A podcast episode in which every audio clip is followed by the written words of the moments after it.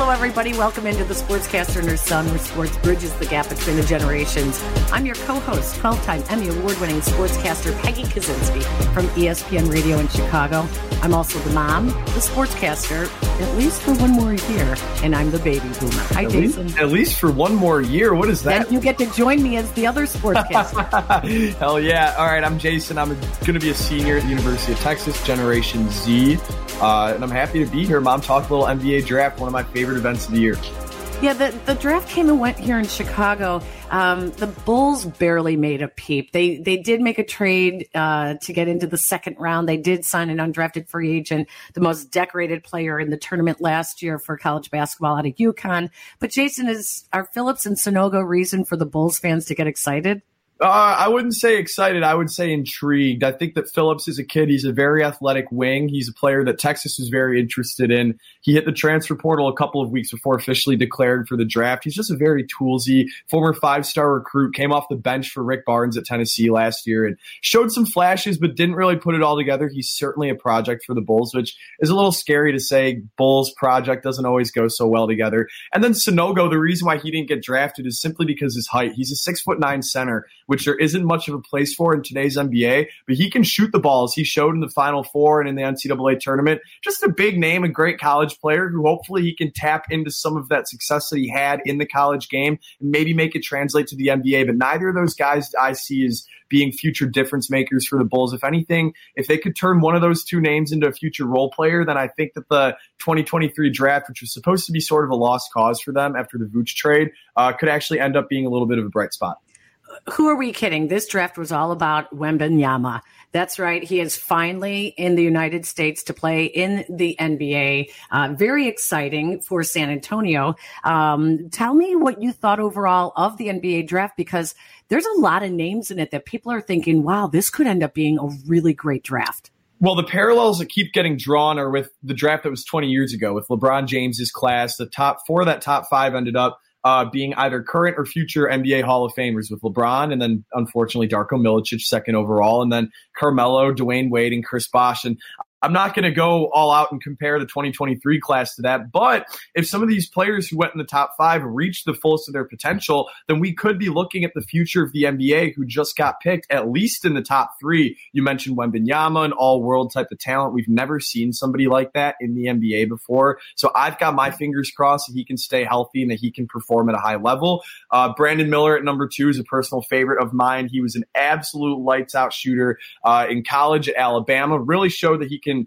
uh, impact the impact the game uh, even when his shot isn't falling. He put up 41 points in a game against South Carolina, but he had some games where he was two of 12, two of 15 from the field, but he'd still grab 10 rebounds and five assists, which shows that he's a winning player for me. And then the third name that I think everybody needs to know from this draft is Scoot Henderson. He was the third overall pick from the G League Ignite. I love the Russell Westbrook comparison with him. His shot has not come along yet, and I don't see it coming along, but he does literally everything else at a very high level on the basketball court. Moves quicker than anyone else, moves very efficiently. Uh, he's a great passer, great defender, makes winning plays. I'm excited about this draft class. Uh, it's a little deja vu because I feel like I was saying the same thing last year, but the top talent in this year's class uh, rivals any other NBA draft class in recent memory.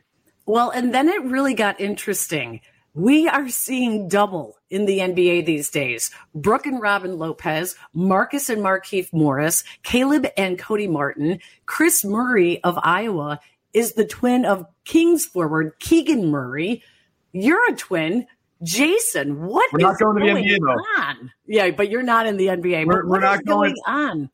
You know, I think it's really cool. I think that uh, it certainly is maybe a little bit of a product of AAU now and just how much, you know, these kids are just, they're so like basketball is just drilled into them from such an early age to where like, I guess it kind of makes sense that like if one twin is so good, like the other twin nowadays is just as good. Like you named all those examples, especially two examples who have recently come in the NBA and the Martin twins and the Murray twins coming in in the past year. Uh, like it makes sense, but as a twin, especially as a twin who, you know, me and my brother share a lot of things, but athleticism isn't necessarily one of them. Uh, I think it's really cool. And, you know, we talked a little bit this past week, like, you know, what would you do? Like, I, I know I, I tweeted this and I just wanted on record that if me and Shay were top tier NBA draft prospects, I'd be excited for him. I'd be happy for him. but it would 100% matter to me the most that I get drafted first, like 100%.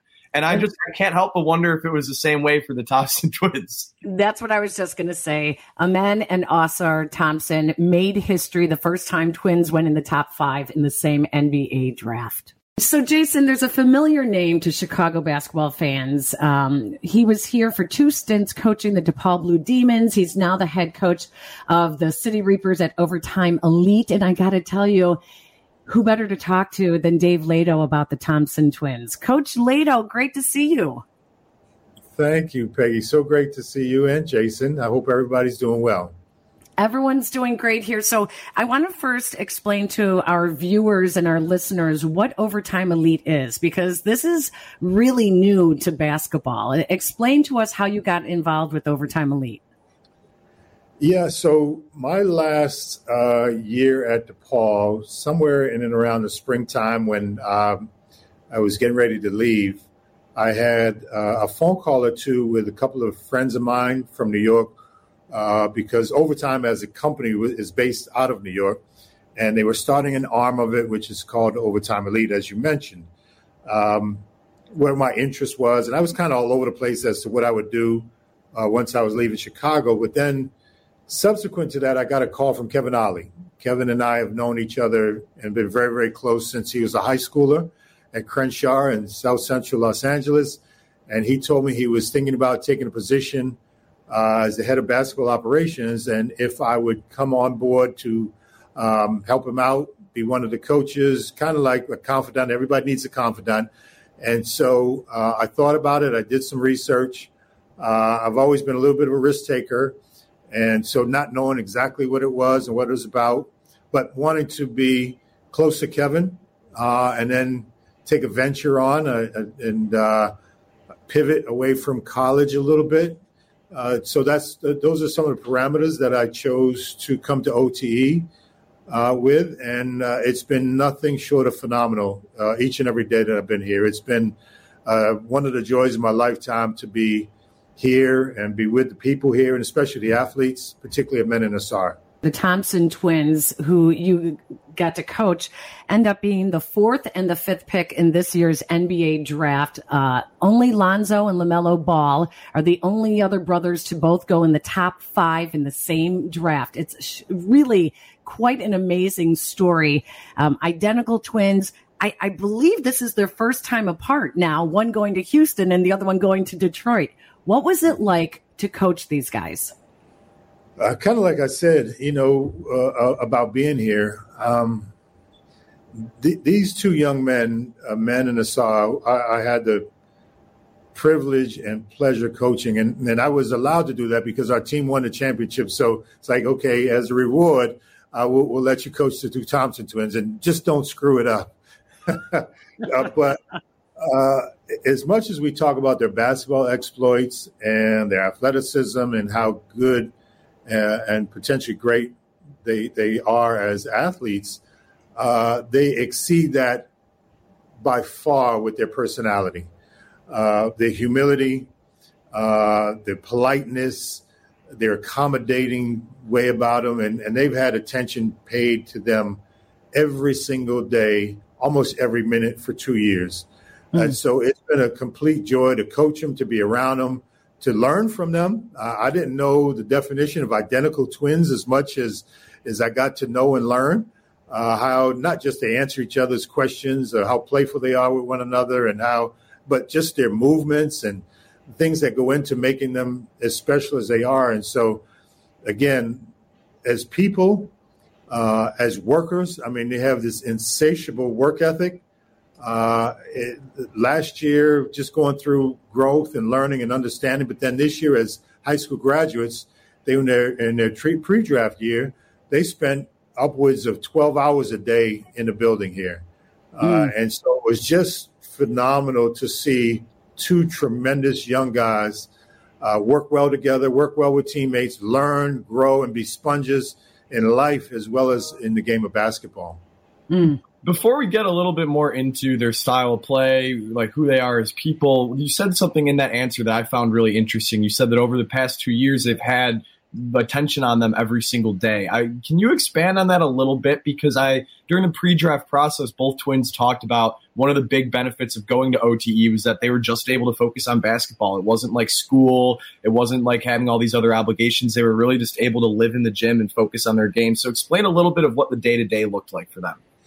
Well, th- this year in particular, having both of them, so you know most most days start here about eight thirty or so with breakfast, and at nine o'clock you get you know you into your basketball, your skill development, those kinds of things. But you know they arrived before eight o'clock every morning, mm. uh, ate a little breakfast, and they were they had a workout uh, with a workout coach, the skill development coach, at eight o'clock, eight thirty every morning. Uh, because they had graduated from high school, their time to do their individual workouts was usually around 11:30. So that was the time of their second workout. But they didn't leave the gym. They would kind of hang out. They're just basketball savants, so they'd be in the gym and kind of, you know, how was your day? So we have we're we're a social media content company, quite obviously. So there were cameras and and phones, you know, recording their every move. Uh, somebody wanted to just talk to them about who they are and what, what we're going through any day. So they would just sit in the gym or uh, in one of the back rooms and and people would talk to them or come up to them and they were just accommodating. I'd come in or any one of the coaches or skill development community and just ask them anything from, you know, how how's it going to how's your family doing, and they just were there. Uh, we had usually practice at somewhere around five o'clock. So after they had lunch, they might try to watch some film or get in the weight mm. room, do those kind of things. And then after practice, they'd get with a shooting instructor and work in the shooting. So their days were pretty full, not just with the basketball that they talked about that they could concentrate on, but just any random thing from something specific as weightlifting uh, or nutrition to, you know, somebody wanting to know how they're doing. And they did everything with a smile. Mm. That's awesome. That's great to hear. So let's talk a little bit more about the on on court style of play. To my understanding, Amen is the point guard of the two. His on ball skills are supposed to be incredible. Sees you know plays before they happen. Ausar is a shooting guard, a little bit of a better shooter from what I've read. Um, both allegedly struggle a little bit with the shot, but both are supposed to be all time, you know, top tier athletes coming into the NBA. So tell us a little bit about what both the twins bring to the table on the court. Well, you know, I, I, I, try I try not to you know go overboard and gush because a- after being in gyms for almost forty years, you think like you've seen just about everything, which I really haven't, but I've seen a lot. Uh, and I said, half jokingly, but mostly serious, that two to three times a week, that one or two or both of them would do something I've never seen before. Mm. And you know, I've I, again, I just take all my experiences, and uh, that's not partially true; it's totally true uh, because their athleticism is just on another level. Uh, they they have explosion and quick twitch muscles like somebody who's five ten and a great athlete, but they have a grace about they about their game, about their movements, and especially when they take off, almost like a triple jumper. You know, they mm. they glide uh, and they stay in the air probably a count or two counts more than than anybody. And they have these finishes in and around the basket that are so creative that I, you know, elbow somebody like, "Did you just see that?" uh, and and wow. they do it with such the grace of their personality is matched by the grace of their athleticism, and they can put it in basketball terms. Amen, a lot of times with the ball in his hands, leading a break, uh, that he could see the guy in the left hand corner and make a right hand pass right there on time, on target, or just leave his feet and do something, you know, behind his neck. And, and Ausar the same way, you know, on the wing or finishing on a break.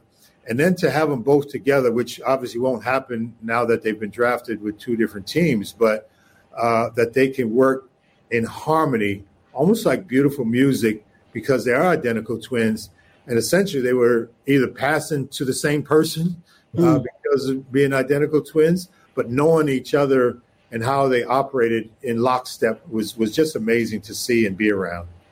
I got to tell you that um, I was reading some funny stuff from a, a great piece on them uh, by the New York Times, and uh, the first thing that struck me funny was that um, they're both six seven, and yet they're both afraid of heights. So when they so when they went to the Empire State Building last week during the draft, uh, they were afraid of going that high up. I, I just that kind of just struck me funny. But Dave, do you think they're still growing because they're young? Yeah. So I, I think they've grown since they've been here. Uh, an ironic thing. So so we share two things in common. The two of them, like myself, have an incredible fear of heights. So we've laughed a lot about that together. I I going down an escalator at a mall puts fear in my heart. So we've talked about it a lot. And then um, dad is six feet and mom is like five six or five seven. And how did they get to be six seven is a is a gift and an act of God.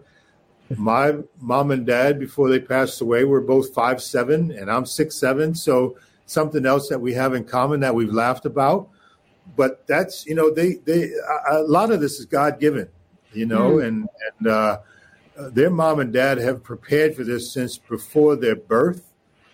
So whether it's their fear of heights, which comes naturally, it's not something they wanted, or their height, uh, whether they still grow, we'll see. God has an intention for them, but what they have, what has happened, if you look at before and after pictures, that physically uh, at 215 or 218 pounds, they've grown exponentially since they've been here mm. from a skill, I mean, from a, uh, a strength and conditioning standpoint. So uh, they are more prepared, not just because of their wingspan or their size, but also their, their muscle mass too.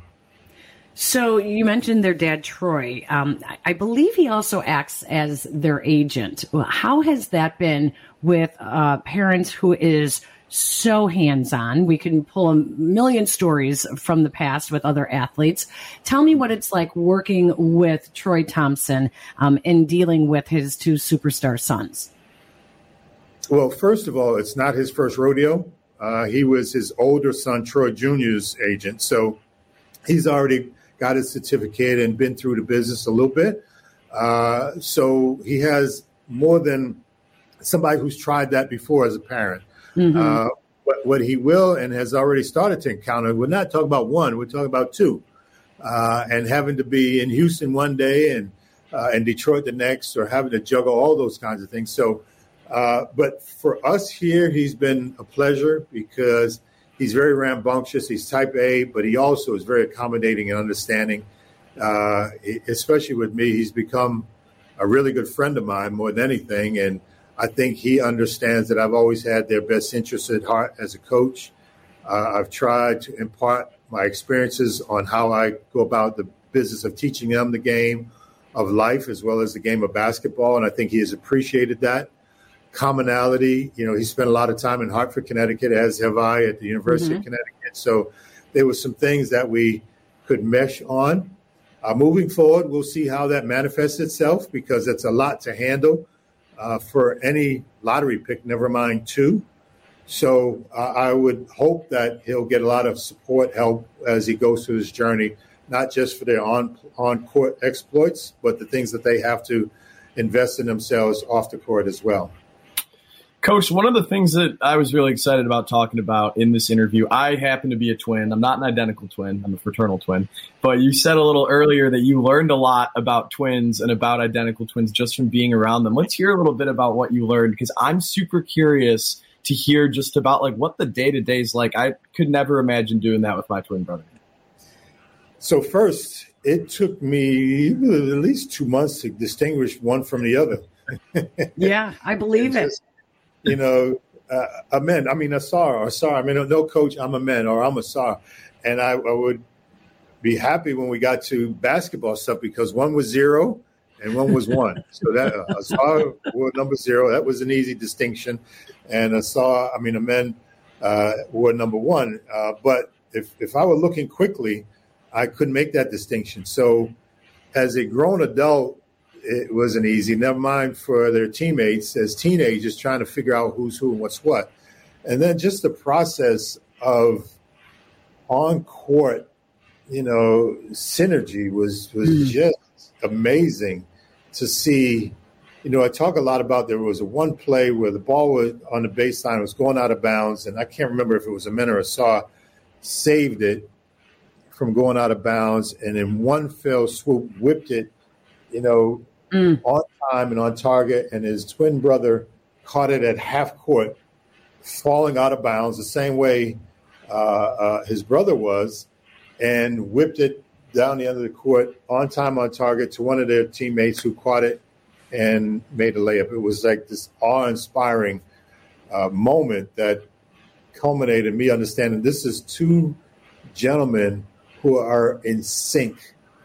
I mean, you'd like to have it as teammates, but you could never imagine how essentially, as I said, two people, but they're, they're the same person in mm. so many ways. And it was just amazing to see both on and off the court them you know, joined at the hip almost literally, and how they thought, how they spoke, and how they played. I have to tell you, Jason, as a twin, watching you and your brother grow we, up. We didn't have that on the court together. They didn't. No, they unfortunately they did not. I knew right away that they would be journalists, not athletes. but I have to say this though, Coach the symbiotic relationship that they have, they just know the way each other thinks. They can finish each other's sentences. It's a twin and thing. When they left for college was the first time that they were separated. They went to two different colleges and mm. and my heart kind of went out when I I read Amen say that um, after when Ausar was was drafted the very next pick, Ausar stood up and turned because he was so used to Amen being there. Well, a Amen had just been drafted and was already gone off doing interviews. And that was his instinct was to grab his brother, you know, for the, the, the first moment.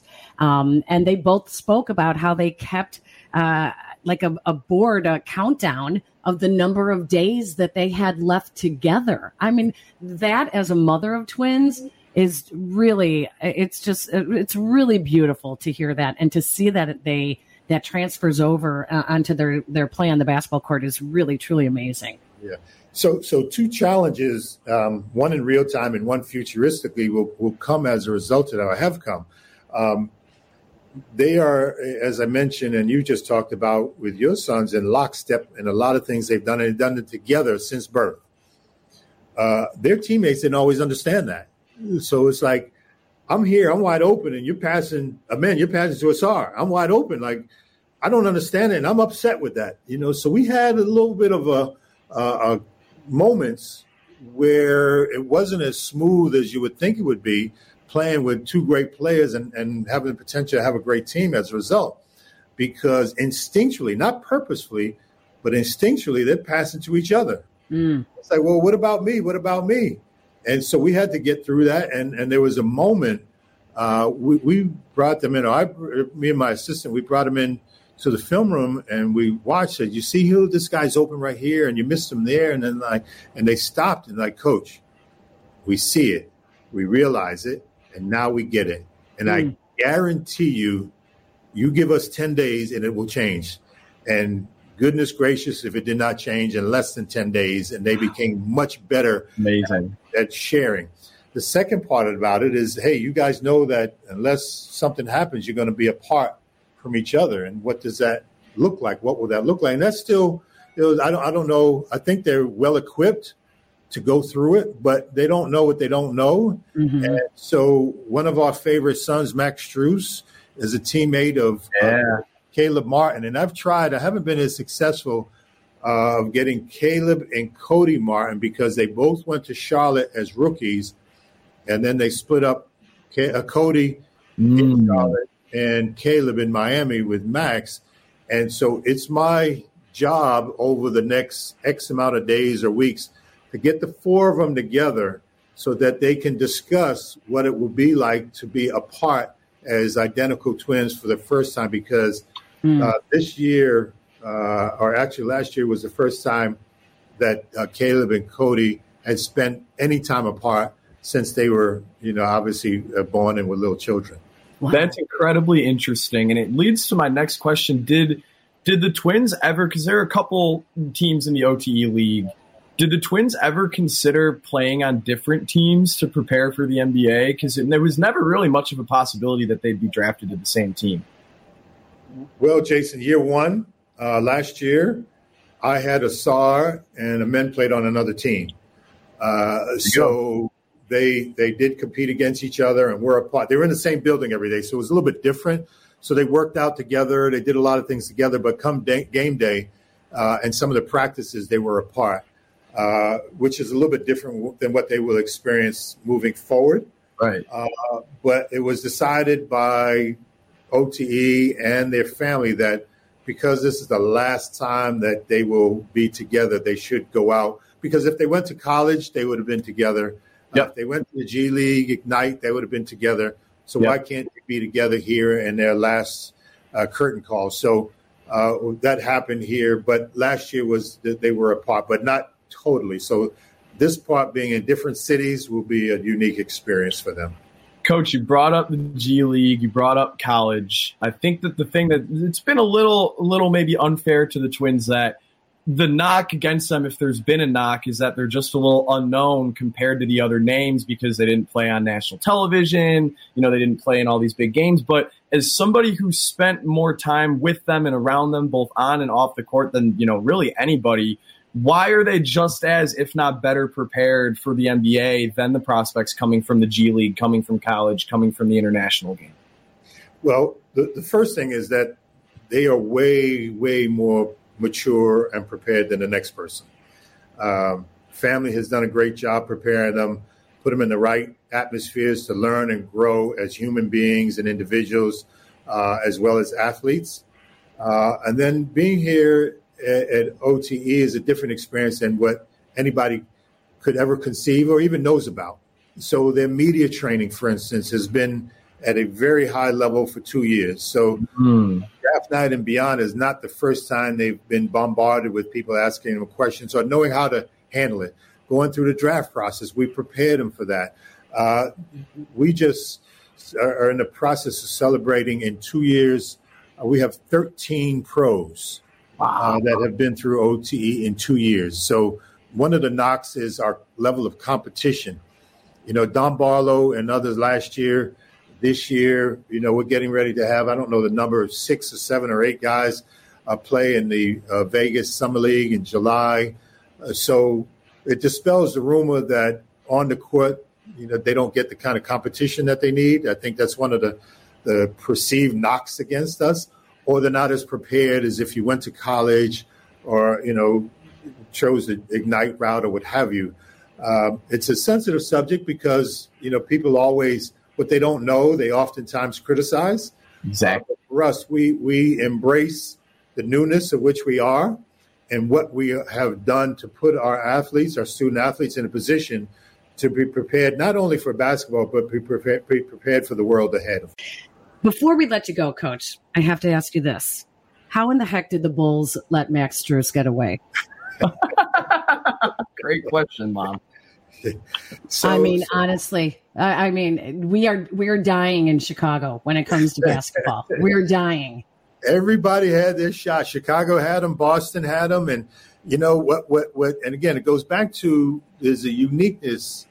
Men in the saw have. Max has the same thing when we evaluate, we as the basketball community, uh, an athlete and his or her potential, it's measurables. You know, how well they shoot, how high they jump, what is the, the makeup, how tall they are, their wingspan, this, that, and the other. The two most important things that go into success of a player is their mindset, what I call wherewithal. Wherewithal has a myriad of definitions to it. Max has that. But it's not, you know, if you're not looking deep inside of it, you're going to miss it. Mm. And then it's this spirit and heart and desire and resiliency. Matt has, Matt, Max has been through hell and back injury, not drafted, G League, cut, all those kinds of things. And every single day he's shown up as the same person with the same personality, with the same desire and work ethic. Uh, and so from that first week that he was with us at DePaul, and I said, Max, you know, you, you came to me and said, I want to maybe someday make money playing basketball. And our conversation was, you have a chance to be an NBA player. So this is what you should focus on to his path of, of highs and lows to just imagine from Alonzo Stagg High School to the NBA finals, you know, and, and go through what the people of Chicago, I mean, he was right in Chicago every day for, for many years. And so if you're not looking for it, you're going to miss it, is I guess what I'm trying to say. But you have to know what you're looking for. And not just Chicago, many other teams, and, and Miami specializes in that, as you it's been well chronicled with the seven yeah. guys that they've had on their roster that are undrafted. Is something internal that those guys have, including and starting with Max, that a lot of people don't see. Coach, it's great to catch up with you. Great to see you. Thank you so much for taking the time to join us on the podcast. I hope you and your family are doing well, and I wish you lots of success. Miss Chicago very much, Peggy. Thank you so much. Great to see you, and Jason. Uh, I still ho- hope you have that uh, gear that we that we got you when you were 12 years old. May not fit, but you might still have it. But thanks. I appreciate you all for having me. Our thanks to Coach Dave Leitao. You can follow him on Twitter and find out what's happening with Overtime Elite. He is at Coach D Leitao, L E I T A O. That was fun, Jason. That was a lot of fun. That uh seriously, I I always enjoy when we get to kind of touch on a little bit more of a niche topic. Uh, like the NBA draft, you know, it's a big event, but when you start talking about the guys who aren't like the household names, it's it's sort of like a little bit of a geeky thing that I really enjoy. I had an episode last year that I got to do, and to co- talk to Coach Leitao, somebody who I watched Coach grow up, and then to hear his insight on coaching the Thompson twins, two players who I think will be among the better players in the NBA for the next decade. Super cool, super insightful. Great talking to Coach Leitao. All right, time for your predictions. It is time for my prediction. So we are. I actually think that by the time you know this episode will be up today, so think that the eve of the NBA offseason is either today or tomorrow. I'm not so great with the dates, but it's going to be a crazy one. Uh, we always have a lot of fun during the NBA offseason, seeing some players move around. So I actually have two predictions here uh, regarding the NBA offseason. My first one is a Bulls prediction. We like to keep it Chicago centric on here. So I'm just going to say I think that they are going to finally move the roster around. I think that Zach LaVine uh, is going to be on the way out. The Bulls see what we see. They can't win with DeRozan and LaVine. Uh, I think DeRozan maybe has a year or two left of being a a top tier winning player, but LaVine, I think that the Bulls understand that they need to trade him uh, for whatever they can get, and whether that be a young budding uh, future superstar, not superstar, future star, uh, a couple future first round picks that the Bulls haven't really invested in under the Carter Karnisovas regime. I think the Zach LaVine is gone. Uh, look at Sacramento, maybe Golden State. There's some options uh, for him. Teams that have some cap space opening up, but I don't see him uh, opening next season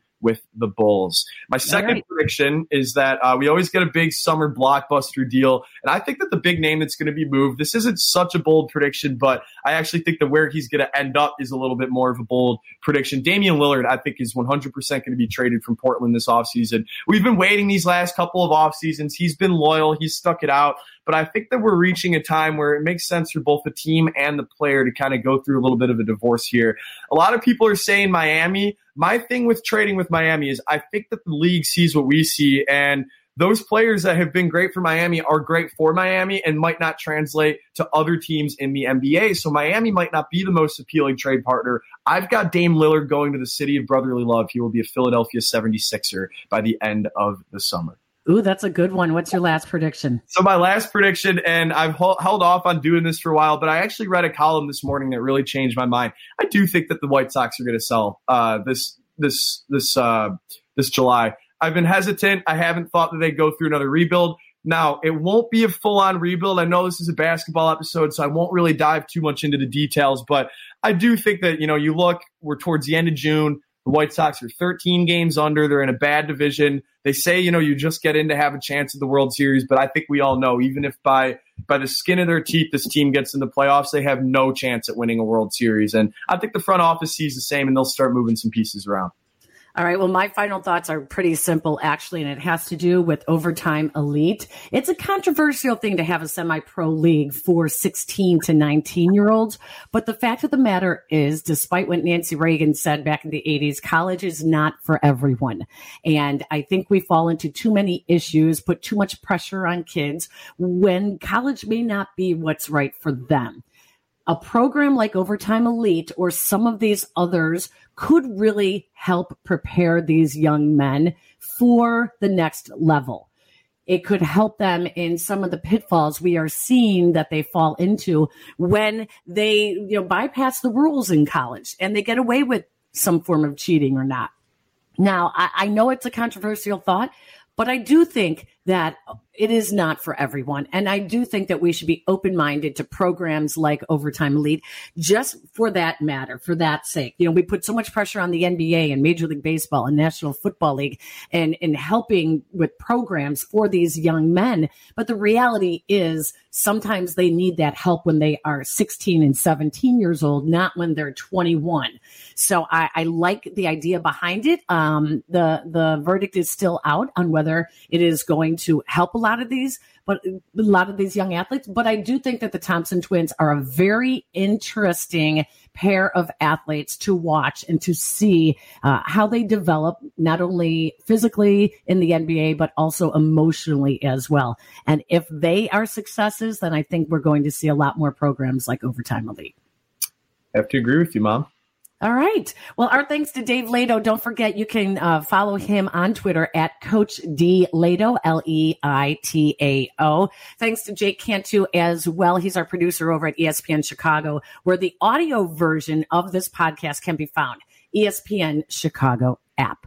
Jason, if they like this episode, well, if you like this episode, we would really appreciate it if you could like, rate, and subscribe wherever you find your audio. As my mom just mentioned, you can find us on the ESPN Chicago app. That is my preferred way to listen to the show. But wherever you get your podcasts, you can find us, whether it be Spotify, SoundCloud, Podbean, Apple Podcasts, anything. If you like us, rate and subscribe. It will help us. Make sure to do that. Keep supporting your favorite show.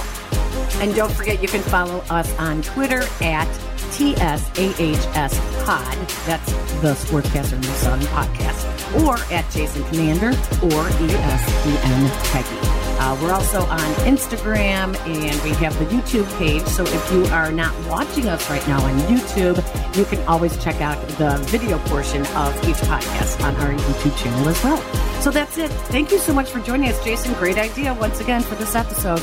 Always great talking some NBA drafts. I'm glad we were able to make it work out, and we'll be back soon for another one. Take care, everybody.